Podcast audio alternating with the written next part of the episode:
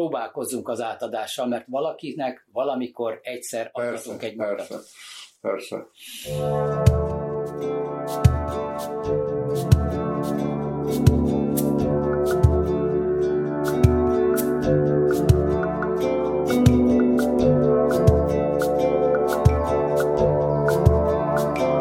Ez a 108. oldal. A Tankapuja buddhista főiskola hallgatói beszélgetnek.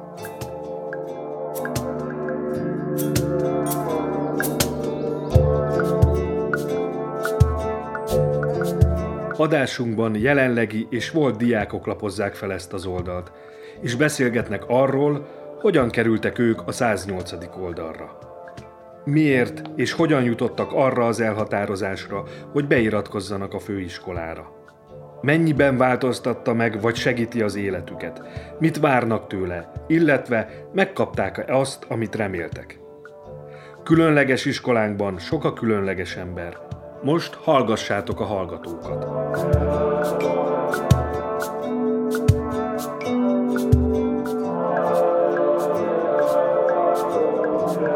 Köszöntök mindenkit, én Bialko László Gergő vagyok. Az első vendégünk Mikula Andrea. Sziasztok! Ha mondjuk így most az utcáról valaki oda jönne hozzád, hogy ő most szeretne felvételizni a tankapuja buddhista főiskolára, akkor mondjuk milyen tanácsot adnál neki, vagy, vagy, vagy miről mesélnél neki így először? Tehát, hogy a kérdés az igazából ez, hogyha valaki azt mondja neked, hogy tankapuja buddhista főiskola, akkor mi az az első dolog mondjuk, ami, ami így eszedbe jut az intézményről, vagy az ott eltöltött időről?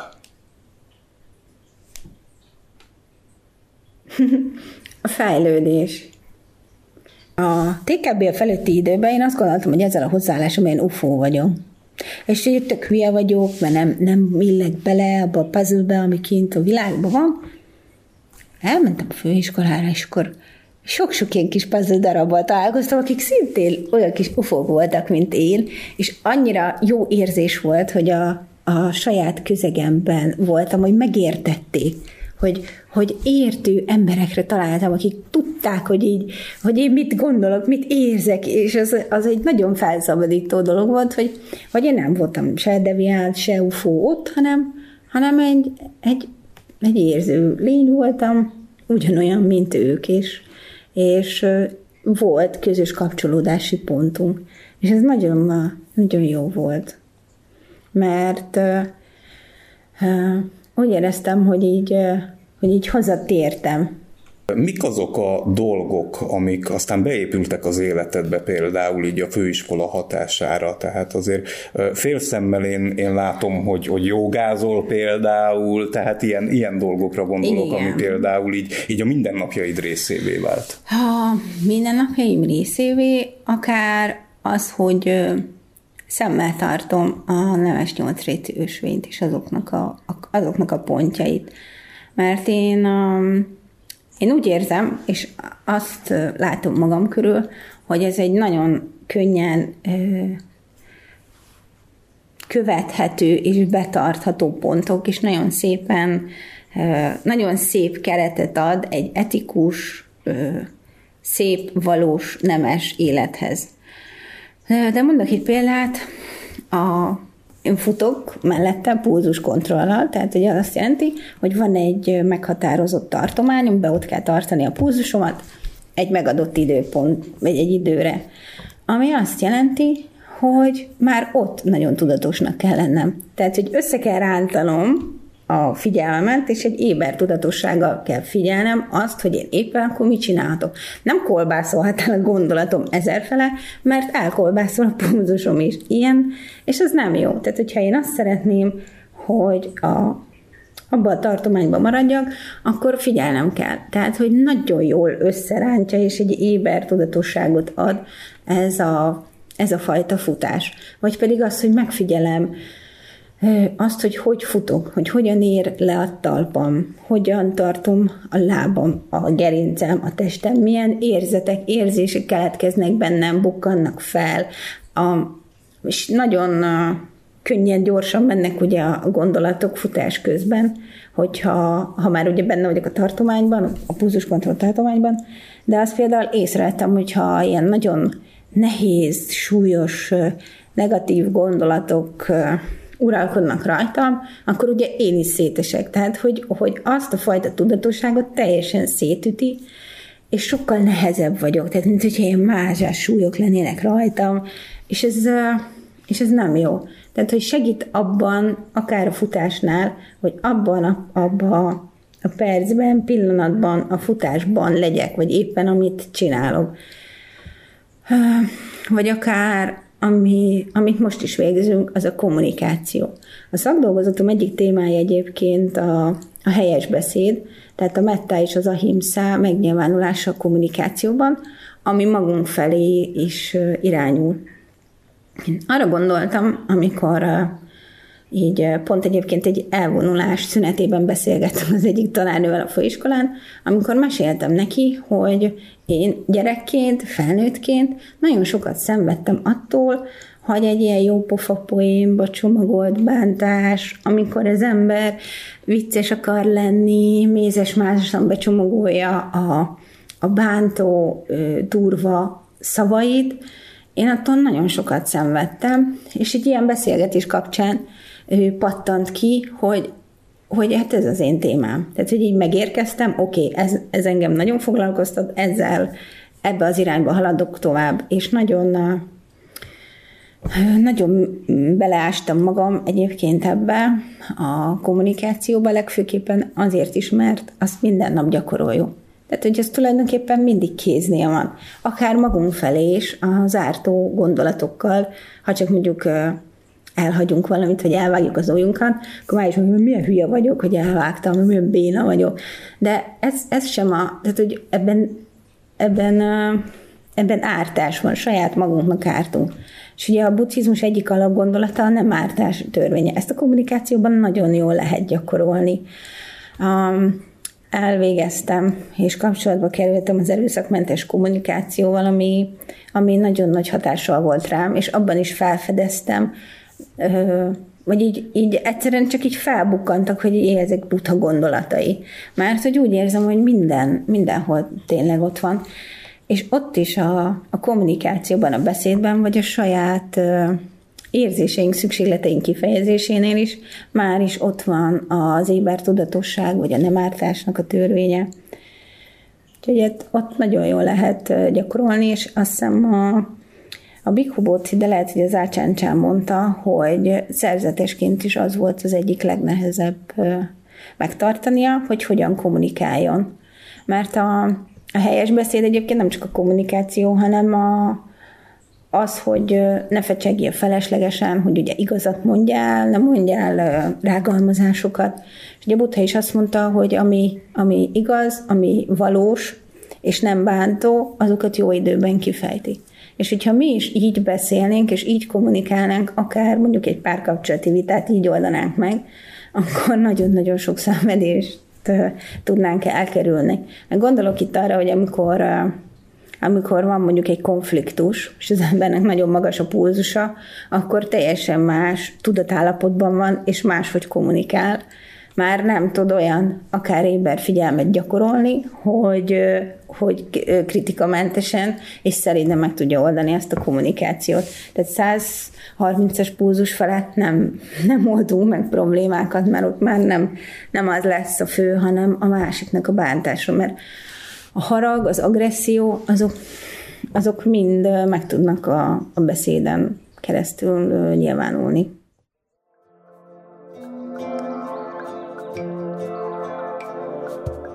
Mai beszélgető társak Lár Balázs és Horváth József. Vannak olyan pillanatok, amikor föl kell nőni egy hirtelen, nem?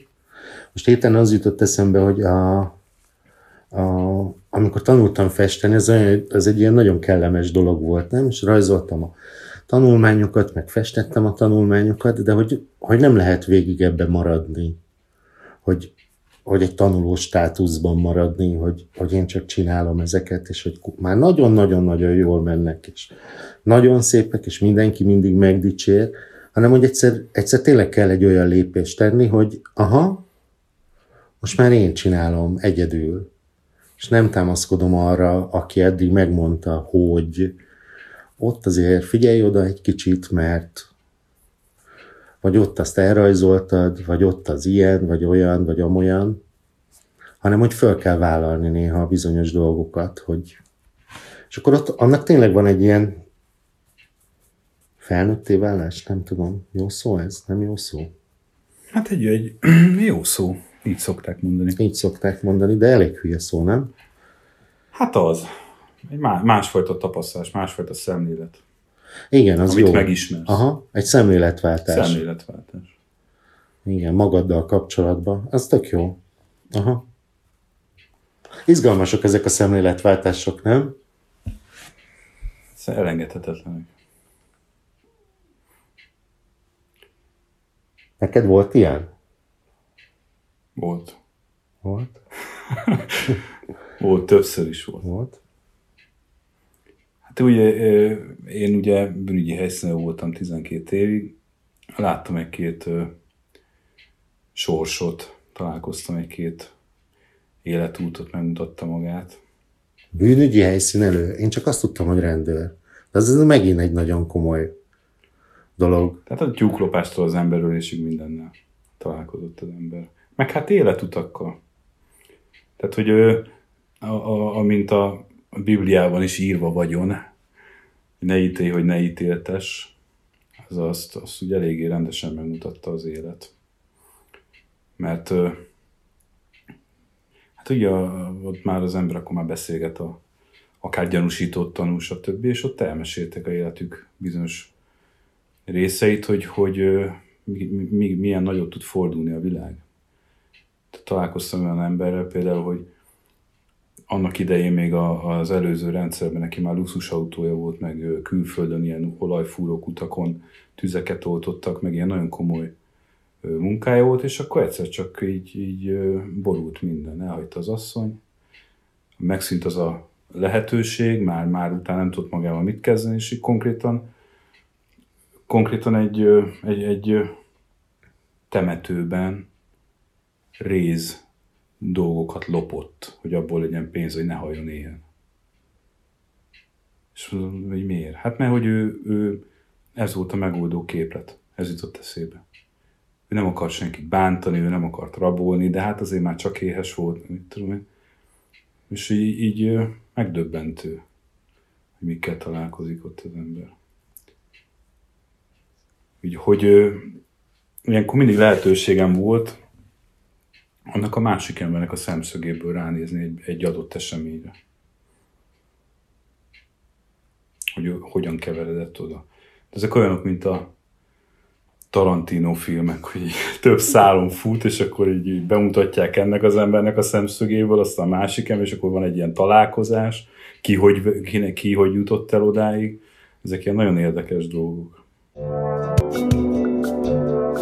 Most már elmondom, hogy ugye a bűnügyi helyszínelés Még, során, még valami. során jó sok halottal találkoztam, és gyakorlatilag én nekem itt is, e, e, itt e, a jó Isten, vagy a sors, a karma, a bu- buddha termés, nem tudom, valami történt. Egyik hulla helyszínen így mondom, te jó ég, mit keresek itt. Így besokaltam. Tehát így, így összeomlottam gyakorlatilag, és ö, én jártam pszichológussal beszélgetni, pszichiáteres, stb. És ott mondta nekem a pszichológus, hogy hát József, úgy, mert a reflektorokat és az a figyelőt, mert hogy nekem nagyon jó képességem van erre, hamar észrevette, ne kifelé a külvilágba, hanem fordítsam befelé. És amit már korábban így említettem, ö, módszereket, meg ö, tapasztalatokat, hogy hogyan lehet felfejteni dolgokat, meg okok, okozati összefüggéseket találni, azt elkezdtem saját magamon alkalmazni. És ezt nagyon jó meg támogatta. Tehát, hogy kon- konkrétan azt a megfigyelési módszert, amit mint ö, helyszínelő, Igen, azt alkalmaztad magadra? igen, igen. Jó, hát mondjuk nekem, tehát én Jó, nem kellett összefüggéseket- meghalljál, persze. Igen. De most így mondok elég erőset, tehát hogy, hogy mondjuk egy, egy haláleset helyszínén ott el kell képzelned verziókat. Tehát mondjuk ott megírja a, a búcsú levelét, vagy, vagy mit tudom én, tehát hogy ami, éppen amit ott látsz, hogy mi történhetett. És én, én nem mindenki csinálja nyilván így, de én ezeket így eléggé átéltem. Tehát ugye én, én, én szinte éreztem annak az embernek azt a, azt a, a kilátástalan helyzetét, hogy ő most igen, ő, ő most ezt még így, így a, hogy kit nevezett meg, kinek címezte, mit tudom, egy próbáltam átélni. Mert hogy mindig ki kell zárni az idegenkezűséget, vagy meg kell erősíteni. Uh-huh. És ha nem tudod kizárni, akkor ott már másképp kell hozzáállni egy ügyhöz. És hogy, hogy, hogy én nekem ez volt egy, egy jó bevált módszerem, ugyanezt alkalmaztam egy betörés helyszínén is, megnéztem, hogy hát ott, ott, ott hogyan másznék föl, hol kapaszkodnék, stb. stb. De ugyanazt, csak mondjuk egy halálhelyszínén, ott már nem csak a fizikai elváltozásokat vettem figyelembe, hanem, hanem, hanem a, a lelki, a pszichológiai dolgokat is, ami, amin keresztül mehetett az az ember. És ugye ez odáig vezetett, hogy na, hogy a jó Isten, vagy a sors, vagy stb., akint felsoroltunk, teljesen mindegy, eljött az a pont az életemben, amikor, amikor azt mondták, hogy jó, köszönjük, ez most már elég volt, akkor most már lehetne ön, ön megismeréssel és a megvilágosodás felé törekedni. Tehát már jól megvannak a alapok, nagyon ügyes voltál, és akkor most, most így, így kicsit felrúgtuk a világodat, tessék, akkor most már magasztosabb célok felé fordulunk. Izsán Krisztián és Harlan Bálint beszélget. Ugye azok a, az elemzések, amik ezt a kiégést boncolgatták, és én olvastam őket, azok mint egy ilyen 20. század végi, 21. század elejé szociológiai jelenséget írták le, ami, ami ugye szorosan kapcsolódik gazdasági folyamatokhoz is, mint egy, mint egy változás a kollektív pszichében. És, a, és az, hogy ez vajon mennyire függetleníthető, mondjuk egyéni megélésektől, az egy, az egy nagyon jó kérdés. Én megmondom őszintén, eddig erre én nem gondoltam, hogy ez a, ez a jelenség, mint, mint kiégés, ez, vagyis hogy mondjam, tehát, hogy amit, amit mostanában gondolok erről a dologról, az inkább azzal korrelál, hogy ez egy rendszer szintű probléma, és, és amit például, tehát, hogy ezt függetleníteni akár a megélhetéstől, amiről az elején beszéltél, hogy akkor ez kiégve lehet az ember úgy is, hogy, hogy nem a munkájától ég ki, hanem az életétől, mint olyan, bármilyen más tapasztalattól, az nekem most egy tök új megközelítés. És, és izgalmas, az biztos. Hogy hát, mennyire lehet így az ember, bocsánat, is befejezem, mennyire lehet a, az egyén szemszögéből ezt megfogni úgy, hogy függetlenítjük a társadalmi hatástól, az, az megint egy jó kérdés, mert azt hiszem, hogy akkor meg, meg meg lehet, hogy az elnevezéssel kell óvatosan bánni. Hogy akkor ezt a kiégést, mint, mint jelenséget, akkor lehet, hogy rá sütjük egy olyan dologra, amit a, a pszichológia, pszichiátria, neurológia már, már évtizedek óta valami másként ismer. Uh-huh. Hát lehet, hogy ez egy, az az egy ilyen felesleges abstrakció, hogyha úgy próbáljuk, hogy egyénileg nézzük meg, mert a társadalomon kívül nem nagyon tudunk gondolkodni. Tehát most is, amiket gondolunk és amiket mondunk, egy társadalom által konstruáltan kezdjük el elmondani, és fogtuk föl, és használjuk ezt a nyelvet, és ennek van egy csomó szintje. És, és nem is ezt akartam mondani, hogy független teljesen a munkahelytől, vagy a, vagy a munkavállalástól, de hát amiről beszélsz, az az elidegenült munka. Na most önmagában ez a, ez a reneszánsza ennek, ami a legutóbbi, nem tudom, pár, pár évben el, előjött, hogy a fiatalok mennyire unják ezt a helyzetet, hogy uh, ami van, az, az szerintem különben nagyon régi hagyományra mutat, tehát a marxizmus 1848 óta durván foglalkozik ezzel a problémával, tehát hogy, hogy hogyha megnézzük az ideológia kritikát, vagy a, vagy a rendszerkritikus baloldalnak a hagyományát, ez a téma, az elidegenült munka, munka és az vele járó mindenféle probléma, az ott folyamatosan napi renden volt.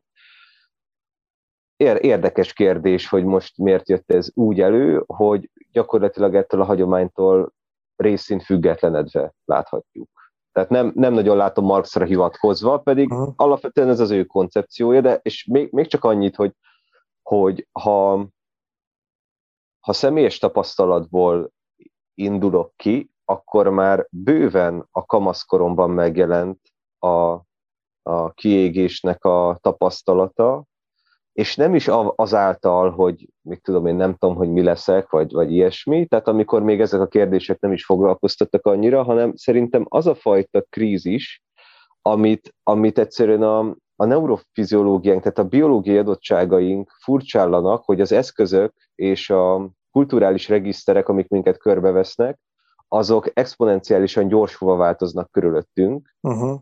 Arra gondolok, hogy én még gyűjtöttem a VHS-eket, az MK-kat és a CD-ket is, és különböző újságokat is gyűjtöttem, mondjuk képregényeket, és jó, hát valamit most is lehet képregényt venni, tehát az mondjuk egy rossz példa, de már nem, a, nem az, ugyanazon a státuszban van, nem is ugyanazon az áron, és, és nagyon sok nagyon sokat változott a popkultúra körülöttünk, meg ez az egész eszköz használat, és nekem például a kamaszkoromban már alapvetően nagyon furcsa érzés volt nosztalgiában élni jelen időben. Tehát arra, gondolt, arra gondolok, hogy ahogy, ahogy a, a, az MK-t a kezembe veszem, és nem tudom, még 2004-ben még megvehetem, de már, már minden híradás arról szól, hogy nem tudom, pár év múlva ez a, ez a médium már nem lesz, és, és tényleg mondjuk két-három éven belül el is tűnt a szírről. Aha. Vagy, vagy ott van a vezetékes telefon. Még, még volt idő, amikor vezetékes telefonon hív, hívtak engem is, már mint kamaszkoromban. Aha. Üzenetrögzítőnk is volt. De azt mondod, hogy akkor már, már akkoriban tudatában voltál ennek, hogy ez, ez hamarosan el fog tűnni? Hát igen, volt, indult, megindult egyfajta ilyen intuíció ezt illetően, de fő, és, és van még valami. Valamennyire, valamennyire voltak kurrens popkulturális áramlatok, ami minket körül öleltek. Most nem, nem tudom hány év van közöttünk, de, de a lényeg az, hogy, hogy nagyjából úgy, úgy egy episztémében növekedtünk, és akkor, akkor annak is volt már egy nosztalgikus iránya, azt gondolom. Tehát, hogy, hogy a klasszikus film, filmek, amiket szerettünk, azok ritkán estek egybe azzal az évvel, amit, amiben éppen néztük. Előfordultak az ilyenek a Matrix, vagy nem tudom, a Bluff, vagy mondjuk az, uh-huh. az a hanyas film, a Bluff? 90... 2000-es eleje nekem az, az ugrik be, de lehet, hogy korábbi. Na, e, na tehát, vala, tehát akkor, akkor én még, én még egy, egyáltalán nem, nem mit tudom én, ha mondjuk két, 2000-es lenne a bluff, most valamiért ez ugrott be, hogy mint a 2000-es lenne, akkor én 10 éves gyerek voltam. Tehát amikor én ezt már nézem, akkor eltelik négy év, de nem is ez a lényeg, amikor már rendesen nézem, mert az még nem lenne olyan nagy, nagy ö, ö, eltolódás, de a legtöbb tartalom, amit fogyasztottunk, vagy, vagy többet magammal fogyasztottam, az egyre inkább visszafelé nyúlt, és ez a, és ez a, ez a váltás azt hiszem csak a mi kulturális ö, periódusunkra jellemző. Hogy sokkal nagyobb részben van jelen a nosztalgia, mint a... Már ez egy veszélyes, ez egy veszélyes kijelentés, mert akkor, akkor ez azt feltételezi, hogy, hogy te ismered a, az előző generációk, hogy a te szavaddal éljek episztéméjét, vagy, vagy ismered az előző generációk tapasztalását úgy általában. Hm. És ez azért olyan dolog, amit úgy, úgy, úgy az ember intuitíve szívesen mond ki, hogy régen minden jobb volt, de, de hm. végül is ez az, az a mondat, amit uh, várj, várj. mondanak. Bocsánat, én nem, nem azt akartam mondani, hogy régen minden jobb volt. De, én azt, akart, azt akartam mondani, hogy van egy, ezt azt akartam mondani, hogy van egy hamis emlékezetünk arról, hogy régen minden jobb volt, de régen se volt minden jobb. Na igen, és mi, ja. és mi, és mi megkreáltunk egy, egy, egy múltat, ami ránk záródott. Hát gondolja a, az ezt megelőző amerikai elnökre, hogy tegyük ismét nagyja Amerikát, és akkor régenre mutatott, tehát mind popkulturálisan, mind, mind politikailag ott is egy, egy, egy nosztalgikus visszahajlás volt, de nézzük meg, hogy régen mit csinál hát a régeni, a régeni periódusban romlott le leginkább Amerika. Uh-huh. És, mi, és mi erre emlékszünk valamiért szívesen. Hát már aki. Kovács György vagyok. Én Bártfai Attila Márk vagyok, röviden Bártfai Márk, még rövidebben Márk. 19 éves korára az ember, főleg, hogy, hogyha olyan lassan élő típus, mint én, hirtelenjében elöntik őt a világi vágyak mindenféle formái, és, és akkor elsodródik a gyakorlástól. Hát ez velem is ez történt meg. Intellektuális érdeklődésként megmaradt a buddhizmussal való foglalkozás, tehát szinte minden buddhista könyvet, ami megjelent, azokat elolvastam. Úgy a tudományos, tudományosabb jellegű ilyen, bár már ügyetem, hogy a magyar nyelven megjelent könyveket nyilvánvalóan, tehát ez egy angolul akkor még én nem tudtam olyan jó, hogy ilyen szövegeket olvassak, de hogy tényleg mind a tudományos jellegű munkákat, mind a, az ilyen forrás irodalmaknak a magyar nyelven megjelent köteteit, mind pedig az ilyen, hát ezeket sokan ilyen dogmatikai vagy ilyen filozofálós műveknek nevezik, amikor különböző keleti tanítók az elő, előadásait összegyűjtik. Ugye ilyen mondjuk a Trunkpának, vagy mondjuk a, a Theravada vonalról mondjuk, hogy az Achan Sumedho-nak a tanításait is ilyennek tekinthetjük. Ezeket is mind megszereztem, és mind elolvastam, és nagyon élveztem, és mindig azt gondoltam, hogy hát valahogy ezt, tehát az lenne a tisztességes, hogyha én ezt így gyakorolnám is, vagy ha valami módon az életemben ez megjelenne, és nem csak itt olvasgatnék erről, és egyébként meg teljesen mással foglalkoznék az életemben. Felső oktatási intézményben én szociális területen kezdtem el tanulni, ez az ELTE társadalomtudományi karát jelöli, illetve jelenti, és hát itt mindenkinek el tudom mondani, hogy hát a buddhista főiskola sokkal igényesebb és jobb, mint az ELTE társadalomtudományi kara. Jó, tehát, hogy ezt itt tényleg konkrétan többet kell tanulni, és ez örömteli dolog szerintem, mint mondjuk az ELTE társadalmi korán. Tehát ott azt meg lehet úszni, szerintem könyvek elolvasása nélkül is, vagy én is legalábbis ezt láttam a, a hallgatótársaimon, és hogy igazából rendkívül triviális tartalmakkal foglalkoznak, a, és triviális kérdésekkel foglalkoznak a, az órákon, és akkor inkább egy ideológiai képzésről van szó, mint sem tudományos vagy szellemi képzésről. Szóval én azt gondolom, hogy a főiskola az, az baromi igényes. Hát, de és a lényeg az, hogy én, tulajdonképpen oda jártam, leszigorlatoztam jogból, illetve szociálpolitikából, ezek szépen is sikerültek, tehát jó jegyeket kaptam, és aztán, és aztán, és aztán hát romba dőlt az életem. Tehát pont amikor már megvolt majdnem minden kreditem, sőt, kredit túllépésem volt, csak két kötelező tárgyam nem volt meg, de már a szakdolgozatomat is ö, ö, megírtam, és ö, szigorlatokon is túl voltam. Akkor egyszer csak romba dőlt az életem külső ö, feltételei és belső ö, vonatkozásai tekintetében is, úgyhogy így hirtelenjében az ott véget ért, és kb. egy öt évig kellett várnom arra, hogy minden helyre jöjjön, vagy hát öt év alatt jött minden helyre, de ezt nem, nem tudtam kapkodni, és egyébként azt is gondolom, hogy nem is szabad ilyen helyzetben kapkodni. És aztán utána mindig eldönthettem, hogy most mit csináljak, hogy most befejezem-e azt a két tárgyat a, abban a képzésben, vagy valami egészen másat. Vagy mást kezdjek el. Elnézést, hogy ilyen zavartam beszélni. Tehát, hogy egészen másba fogjak, és akkor döntöttem el, hogy hát végül is én a buddhizmus szeretem, meg a darmát szeretem, akkor hát miért ne jöjjek ide? Miért ne jöjjek ide? Így kerültem ide, hogy akkor ide jöttem, egyben egyébként emellett elkezdtem komolyabban gyakorolni, és kifejezetten a, egyébként a szakjavonal gyakorlatait végezni, és a szakjava közösséghez járni a Föld átmérőjének 108-szorosa a nap átmérője. Én már felnőtt voltam, amikor a jogával megismerkedtem. Nekem akkor dönt az életem teljes romokba volt, és mindenféle tévképzetem volt az élettel kapcsolatosan, hogy én egy teljesen élhetetlen életet éltem, és úgy éreztem, hogy nincs helyem ezen a világon, tehát hogy már ténylegesen úgy éreztem, hogy felesleges vagyok ebben a világban, és akkor egyszer csak így úgy éreztem, hogy most már valahogy segítségre kell, hogy, vagy segítséget kell, hogy kérjek, és valamilyen úton, módon egy könyv került a kezembe, aminek az volt a címe, hogy a joga a mindennapokban.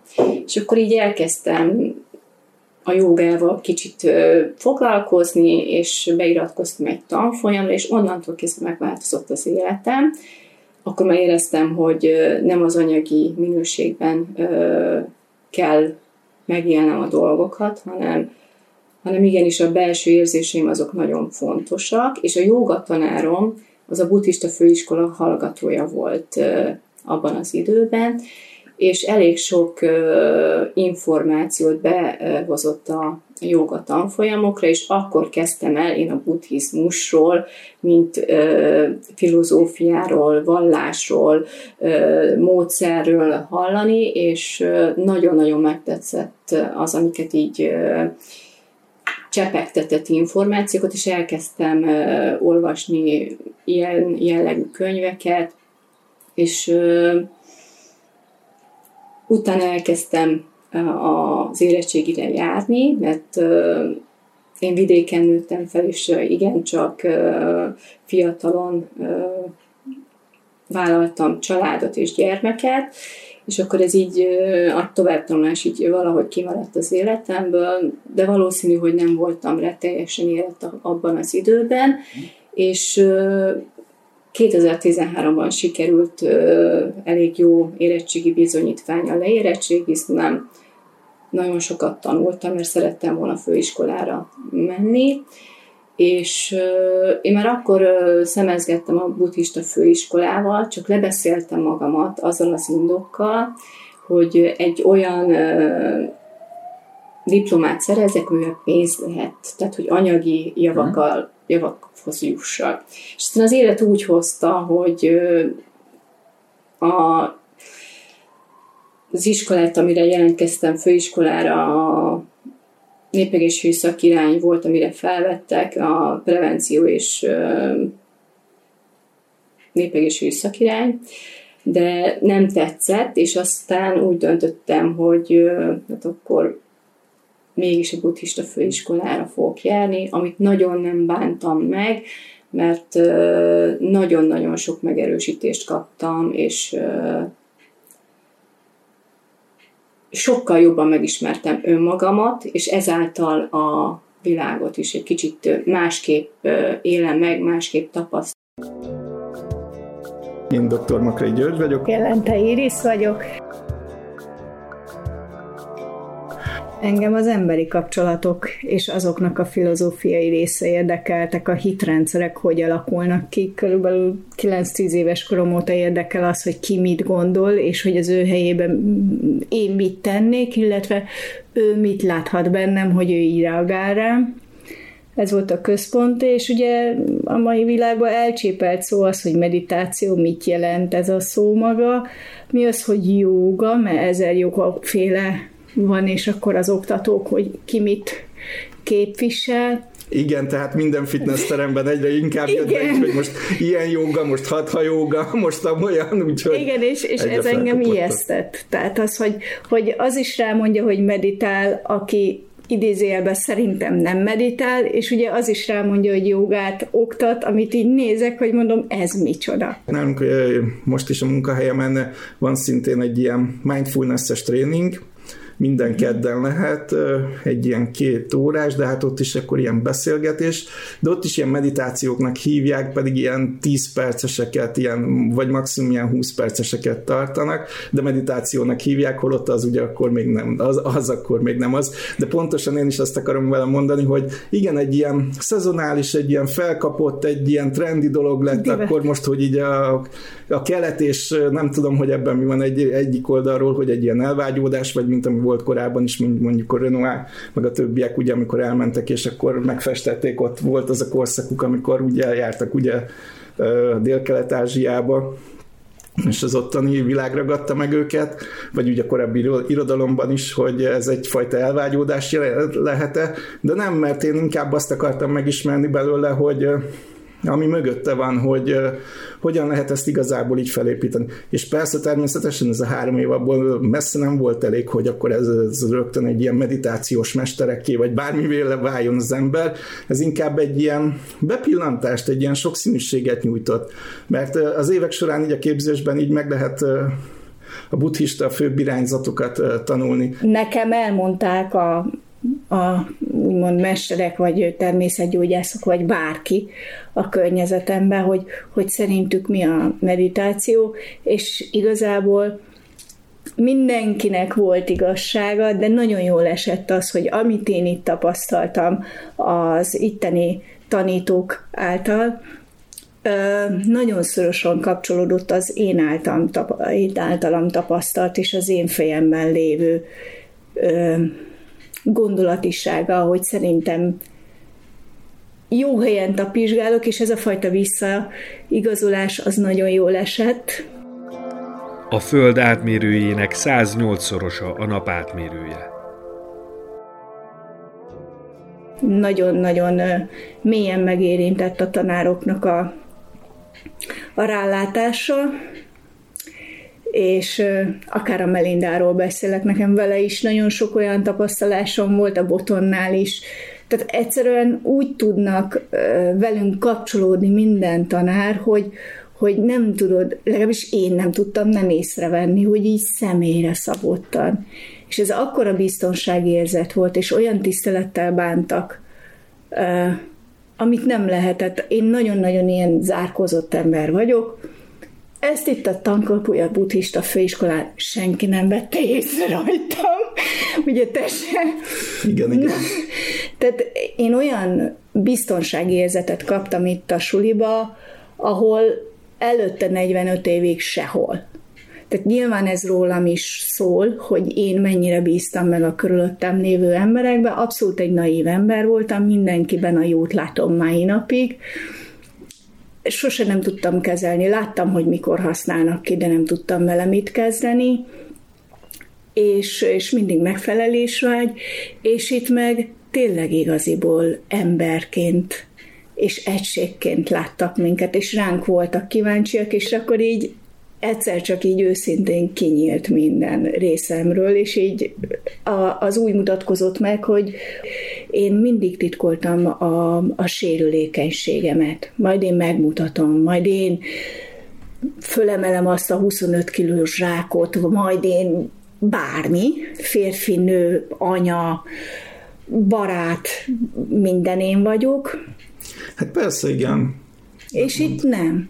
És itt, itt, itt tudtam, ember lenni, tudtam lenni, picike lenni, türelemmel kivárták. Tehát nekem a, a Melinda, ugye, ő ugye a jogát oktatta, és ő nekem azért volt ö, csodálatos tapa az én fejemben, mert olyan szavakat használt, ami az én fejemben kiszólt. Például nem csinálok valamit, mert szól a testem, fájdalommal jelez és én nekem nagyon sokáig nem volt fájdalomérzetem. Ez 2013-ig nem volt fájdalomérzet, nem tudtam mi az. És a Melinda tud olyan nyelven beszélni, ami eljut hozzám. De ugyanez volt például a Tózsuzsi órán, csak hogy ne csak a mozgásról beszéljünk, alaptanításokra jártunk első fél évben még ő oktatott minket. Kevés emberrel tudtam olyan hamar ráhangolódni, mint mondjuk a Tóth az alaptanítására, vagy a Taki.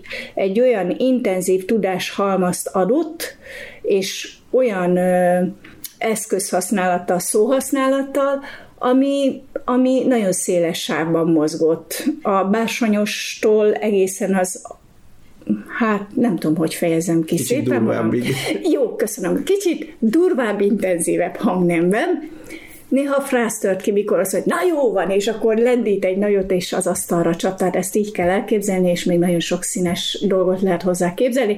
És akkor jött egy visszajelzés, aminek az volt a lényeg, hogy egy kicsit szolidabban ne csapkodjon az asztalra. És akkor jött egy taki, aki megköszönte a negatív és pozitív visszajelzéseket, és szó szerint követte azt a fajta a tematikát, vagy azt a fajta javaslatot, és megkért minket, hogy jelezzük, hogyha ez nekünk sok. És, és ugyanezt megtapasztaltuk más tanárnál is. Szóval a lényeg az, hogy itt, itt, itt megkaptam azt a fajta visszajelzést, amitől én, amitől itt vagyok, és ilyen vagyok, és szabad vagyok. Hajdurék a Zsófia és Horváth József beszélgetése. 92 óta van jogosítványom, 92 óta ö, semmilyen balesetet nem okoztam és nem szenvedtem. Két napja belefutottam egy ilyenbe, és Akartam mondani, épp itt, az itt volt az ideje. Sejtettem, hogy valami történt. Na mesélj, mesélj. Széttört a három éves vadizír autóm.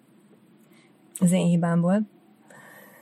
És Egyébként nagyon érdekes, mert hogy ezt így éreztem így előre, mindig ránéztem a kocsi e- elejére, és mindig néztem, hogy ez, ez még nem a végleges állapota ennek a kocsinak. Na, még alakítani kell. Ez még így alakulni fog. De hogy nagyon érdekes, mert hogy vártam addig, ameddig ilyen szép jó kis autóm lesz, a szarautóknak semmi egy karcolásnyi baja nem volt soha. De ennek, ennek így sikerült.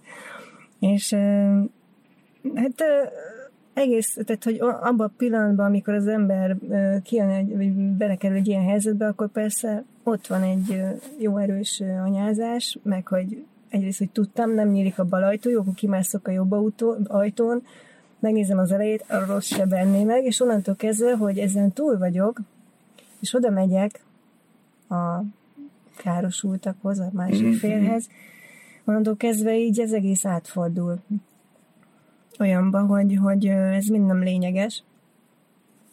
Mert, mert hogy oké, okay, hogy mondjuk két millió forintos kár, meg, meg egyebek, meg, meg hát na, azért mégis. De hogy ne, a egyetlen nem ez a fontos, és hogy ez, ez, ez, ez az állapot, ez így ez így kulminálódott folyamatosan. Tehát tudod közben, hogy, hogy persze oda mentem, és akkor mondtam, hogy nagyon sajnálom meg, hogy ne haragudjanak meg, tényleg nem láttam meg egyebek, egy kereszteződésbe behajtottam, úgyhogy szembefény volt, ők a sötétből jöttek, néztem balra, néztem jobbra, és olyan ö, ö, erős, vagy olyan széles az oszlopja az autónak, hogy benne, pont benne voltak, amikor jobbra néztem. Ez egy pillanatnyi balra-jobbra nézés volt, abban a pillanatban pont benne voltak az oszlopba, és így egy egybe belehajtottam szerencsétlenbe. És a kis csajnak ráadásul szülinapja volt. Tehát az anya egy orvos, a kislánynak meg pont szülinapja volt, és Hát, tehát, hogy így azt néztem, hogy hol tudok nekik segíteni. És uh, utána jöttek a rendőrök. A rendőröket úgy éltem meg, mint egy, mint egy ilyen angyali segítők lettek volna. Mert olyanok voltak. Nőci, az orvos nőci, ő ezért nem, nem, nem, nem így viselkedett. Tehát, hogy innen lehet látni, hogy valaki mondjuk gyakorló, vagy nem gyakorló, és ezt nem azért mondom, mert én most direkt így viselkedtem, hanem hogy ez jött belsőleg de hogy ő, ő látszott rajta, hogy iszonyatos feszültség van benne, és iszonyatos düh, és mivel én ugye bocsátot kértem tőlük, meg mondtam, hogy ne haragudjanak, meg sajnálom, akkor így ezt a dühöt nem felén fordítottam, hanem a rendőr felé. A rendőr az majdnem, majdnem elvitette a nőcit. Tehát hihetetlen dű volt benne például, de hogy, de hogy egyébként meg nagyon, nagyon cukik voltak, tehát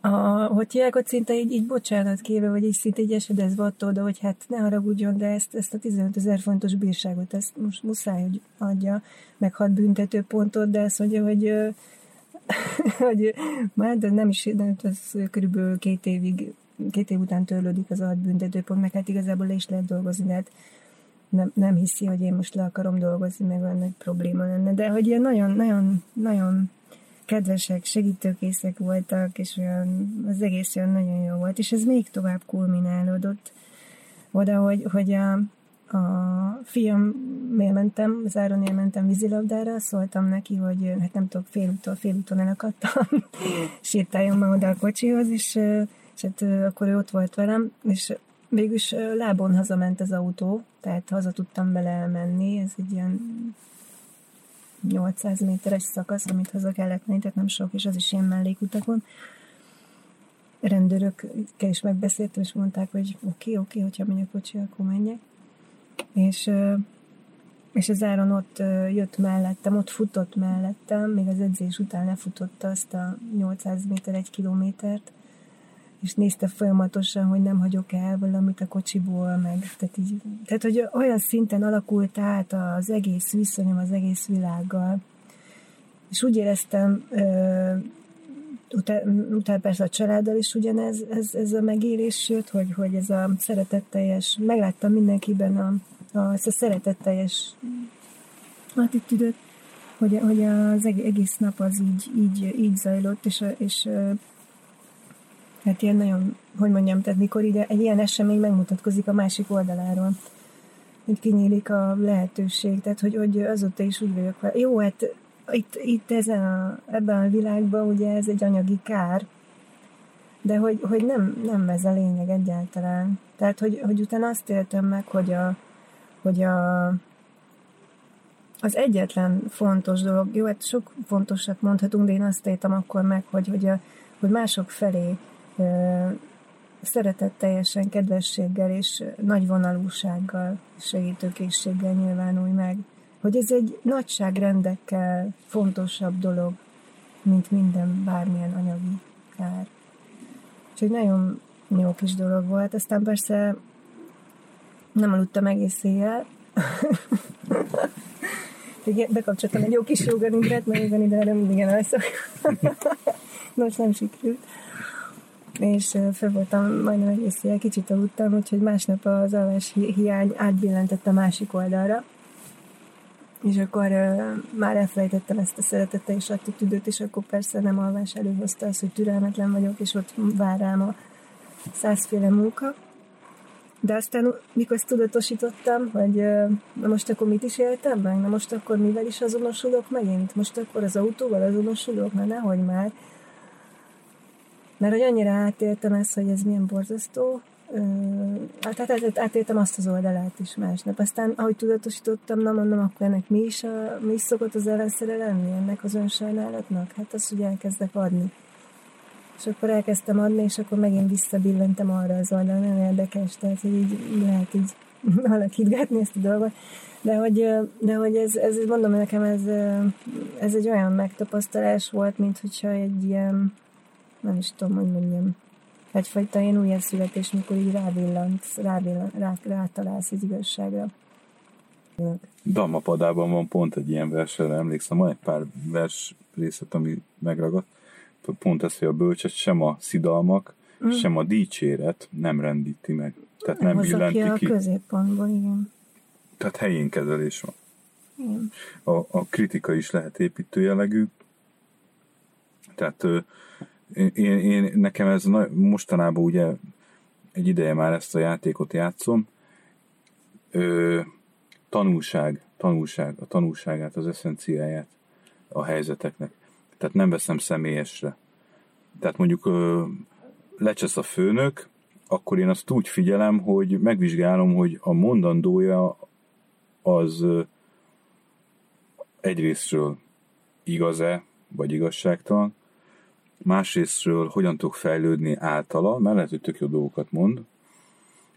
Harmadrészt meg mindig figyelem, tehát ezek így igazából most egy sorrendet állítok, de nem sorrend a lényeg, mert ez egyszerre zajlik. Uh-huh. Figyelem, hogy mi zajlik bennem, hogy kivált-e érzelmet, de alapvetően, hogyha a megismerés szándékával fordulok a világ felé, így a kritika felé is, akkor én őszintén kíváncsi vagyok a véleményére.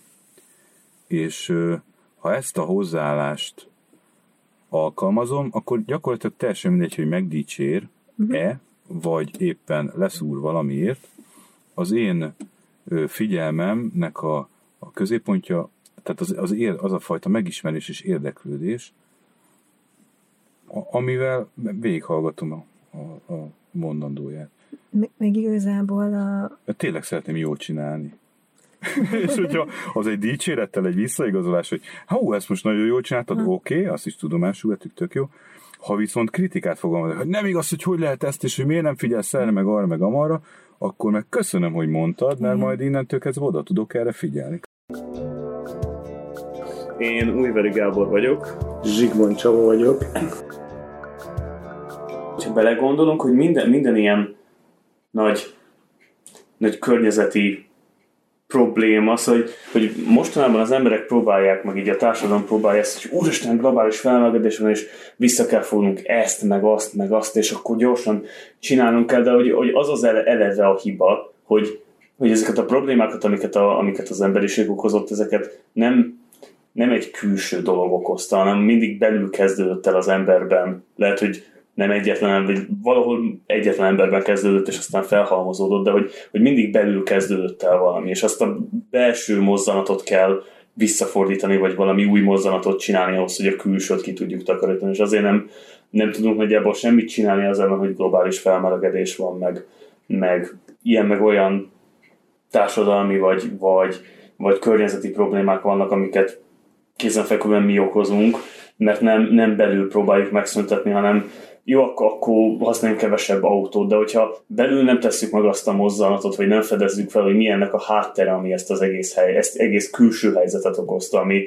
szemmel láthatóan súlyos károkat okoz, hogyha ezt nem veszük észre, hogy mi az a belső mozzanat, ami ezt okozta, és ami, illetve hát nem, nem az első mozzanatot kell észrevennünk, ami valakiben megtörtént, vagy valakikben, meg nem is csak egy mozzanat, hanem számos mozzanat, ami gerjesztette azt, hogy ez a hely, gerjesztette addig a a helyzetet, hogy ez alakuljon ki. De hogyha észreveszünk magunkban azt a lenyomatot, ami, ami ennek a, ennek a mozzanatnak a, az aktuális bennünk lévő lenyomata, és azt, azt valahogy visszafordítjuk, akkor tudnánk valamit csinálni ellene. Hát nézd, de ugye Butha azt mondta, amikor a megvilágosodása után, hogy hát ő ezt nem fogja tanítani, mert úgyse fogják megérteni mm-hmm. az emberek. Végül aztán ugye tanította. Csak és ez, ez sokszor eszembe jut ennek kapcsán, amit mondasz, hogy, hogy az emberiség merre felé tart, hogy, hogy nem fogja az emberiség megérteni, tehát fölmerül mm-hmm. nem, nem fogja megérteni az emberiség azt, hogy, hogy ténylegesen mit kell tenni, és mm-hmm. meg is teszi. Mm-hmm valójában meg is fogja tenni. De hát miután Buddha is 2005, eh, Buddha tanítása is 2500 évig fölmarad, valamiféle reményt azért ez Igen. Eh, mond, hogy de, de hát érdekes, amit mondasz, hogy hát belülről, persze, belülről, mert hát minden minden belül, bel, belőlünk fakad. Igen minden belőlünk fakad. Úgyhogy csak az ember bárhova kimegy Budapesten mondjuk, bárhova lenéz a földre, és ott van egy cigicsik, és, és az, hogy ez nem, nem csak egy dolog, ami ott van a földön, hanem ez lenyomata annak a és annak, annak a tudati mozzanatnak, hogy valaki ezt elszívta, és annyi nem volt benne, hogy, hogy most elnyomja, és, és elsétáljon 20 métert egy kukáig, és oda kidobja, vagy egy autótartóig, vagy valami, de még, még annak is a lenyomata, hogy az az ember azt a dolgot megvette, és, és akkor ezt így a végtelenségig lehetne kitágítani, hogy, hogy egyáltalán, hogy a cigit elkészítették, meg így tovább. De els, elsősorban ezt akartam mondani, hogy, hogy annak a kis momentumnak egy fizikai lenyomata. Igen, és igen, mekkora hát, problémát tud okozni. Hogyne. És hát igen, messzire vezetne, hogy egyáltalán miért gyártanak cigit. Igen. És sosem valami nagy külső kényszer. Igen, igen. igen. Ugye leginkább, ami a buddhista tanulmányaim kapcsán leggyakrabban eszembe jut, az az, hogy tudatosnak lenni. Uh-huh. Az emberiség az elég egy helybe topog. Uh-huh. Az emberiségnek az össztudása az én meglátásom szerint az nem növekszik. Uh-huh. A tudásnak az összetétele az változik, uh-huh. de az össztudás nem. Ugye Buddha sokkal többet tudott arról, hogy milyen a világ, uh-huh. mik a törvényei a világnak, uh-huh. és hogy kell nekünk viselkedni, hogy kell nekünk alkalmazkodni a, ezekhez a törvényekhez, hogy összhangba legyünk a világgal, uh-huh. meg saját magunkkal. Uh-huh. Most ebből a tudásból nagyon sokat elvesztett az emberiség az elmúlt 2500 év alatt, technikailag meg nagyon sok tudásra tett szert. Szerintem olyan, mintha így az emberiség folyamatosan halmozná a cuccokat, és már tele lenne az egész lakás mindennel, de totálisan rendszerezetlen, és alig lehetne élni benne. Hát nézd, ez is lehet. Én nem gondolom, hogy a tudás, az össztudás az növekedett. Lehet, lehet, hogy valamit növekedett. Persze ez felmérhetetlen, mert mivel mérjük a tudást. Tehát most az, hogy hogy itt mi egy kis digitális magnóba beszélünk, és akkor ez föl fog kerülni az internetre. Persze, ez több, mint ami a Buddha korában volt, mm. na de kérdezem én, hogy a Buddha korában élő emberek, vagy a mostani emberek voltak-e elégedettebbek, nyugodtabbak, ez a szó, ez nagyon érdekes. Az egyik zen meditáció után az volt a beszélgetés témája, hogy, hogy milyennek gondoljuk a talán ez volt, hogy milyennek gondoljuk a megvilágosodást, vagy uh-huh. a mhm. megvilágosodást. És mindenki arra, az, arra uh, jutott, hogy nyugalom. Uh-huh. A nyugalom szó mindenkinél szóba került. Tehát akkor visszatérve, hogy hát azok az emberek voltak nyugodtabbak, vagy mi? És hogy egyáltalán egy ember életének, ha lehet ilyenről beszélni, hogy mi a célja, Aha. vagy hogy egy, ez, ez így túl filozófikus, hanem hogy, hogy mire törekedjen egy ember, hogy hogy élje le az életét, mert, uh-huh. mert valahogy le kell élnie, ha csak nem vet véget nagyon gyorsan neki, de hát valahol le kell, le kell élnie, és hát akkor hogyan élje le? Tehát ez nem mindegy. És most vajon azzal tudunk jobb életet élni, mert hogy ilyen, ilyen eszközeink, ilyen technikai fejlettségünk van, vagy pedig, vagy pedig nem? Hát, hát én ezért gondolom azt, ezért jutottam erről a következtetésre, és a másik pedig az, hogy, hogy az a benyomásom, hogy lényegét tekintve Ma is rabszolgasság van. Uh-huh. Csak nem annak mondjuk. Csak nem annak hívjuk. Uh-huh. Hát szinte élete végéig a mai magyarországi várható élettartam míg kell dolgoznia az embereknek. Jó, hát van, aki szerencsés, akkor néhány évet még kap ajándékba. De dolgozni kell, és olyan szabad, olyan látszat szabadságokat kap az ember, hogy választhatja, megválaszthatja, hogy melyik rabszolgatartóhoz tartozik. Fog, melyik rabszolgatartónak fog dolgozni. Urai Robert vagyok. Én pedig Sallai Zoltán vagyok. Meg, meg az fontos azért, tehát, hogy, hogy, hogy a szándék az kevés. Tehát, hogyha az ember ezt érzi, hogy benne van, meg tudja tenni, ha elmarad a gyakorlat. Így van. Tehát, hogy, hogy, hogy ez az adás másoknak való átadás élményben, tudásban, ez, ez azért ott zárul, hogy ezt a gyakorlatban megvalósítom. Mert nagyon sok embert hallottam már, aki, aki ilyen ambíciókról beszélt magát illetően, de soha nem fejezte be a dolgot, mert, mert ott elrekedt, hogy beszélt róla, de közvetlen személyeknek, csoportoknak igazándiból soha nem adott át semmit. Igen, hát ez... Tehát meg, megmaradt azon a szinten, eh, hogy, hogy tudatában volt annak, hogy igen, ezt kéne, hogy tegye, de vagy ereje, vagy bátorsága nem volt hozzá, hogy megtegye. Tehát ilyen, ilyennel is találkozik az ember. De mi, mi szerencséseknek mondhatjuk magunkat, Én hogy, abszolút hogy, hogy, hogy, hogy, hogy, hogy az átadás folyamatát, vagy az élmények átadását ezt, ezt végig tudjuk vinni, és, és bizonyára te is, én, úgy gondolom, hogy én is sok embernek tudtunk szép perceket okozni az előadásainkkal, vetítéseinkkel, kiállításainkkal. Ö, talán a legnagyobb dolgot, amit a főiskolán kaptam, azt a Dopmennek köszönhetem. Uh-huh, uh-huh. Nagyon sokan Dopment úgy ismerik, mint Dopman. Én, igen, igen, én igen. úgy ismerem őt, mint Pityinger László, és a testvérét Petit, mint Pityinger Péter nem a zenéjükről, és mindenféle előzetes ö, benyomástól mentesen. És ö, képzeld el, hogy nekem volt egy szörnyű dráma az életemben, három évvel ezelőtt eltemettem az unokámat, aki két és fél éves volt, és rákbetegség vitte el. És nagyon nehezen, a halált nagyon nehéz feldolgozni. Különösen akkor, hogyha valaki a gyerekét vagy az unokáját szereti.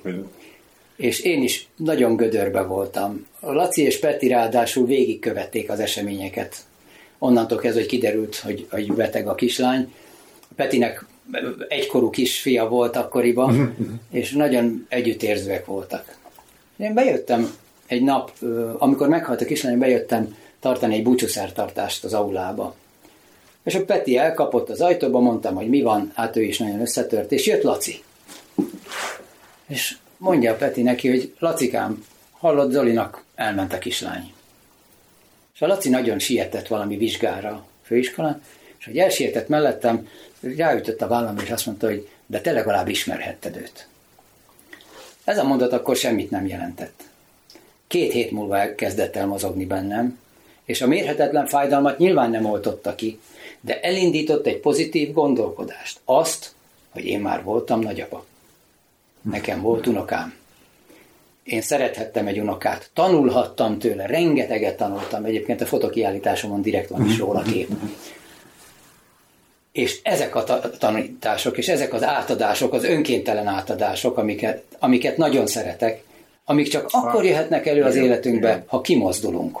Ha kimozdulunk a komfortzónából, a szobából, a bezártságból, és találkozunk hát másokkal. Igen, igen, igen. És biztos neked is van olyan élményed, ami, ami nem számítasz rá, és egyszer csak kapsz valakitől valamit. Hogyne, hogyne, hogyne, hogyne. És ezek óriási erőt adnak a folytatáshoz. Hogyne. Különösen ahhoz, hogy mi is adj, próbálkozzunk az átadással, mert valakinek valamikor egyszer adhatunk egy persze, mutatót.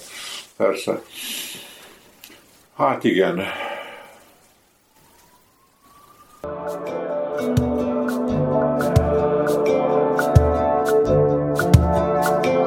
Ez volt a 108. oldal. A Tankapuja Buddhista Főiskola hallgatóinak podcastja. Az elhangzott és elkövetkezendő beszélgetésekről a könyvtár honlapján és Facebook oldalán tájékozódhattok. A podcast kukac tkbf.hu címre várjuk azok jelentkezését, akik kedvet kaptak arra, hogy mikrofon előtt cseréljenek eszmét magukról, a főiskoláról, a buddhizmusról. Thank you.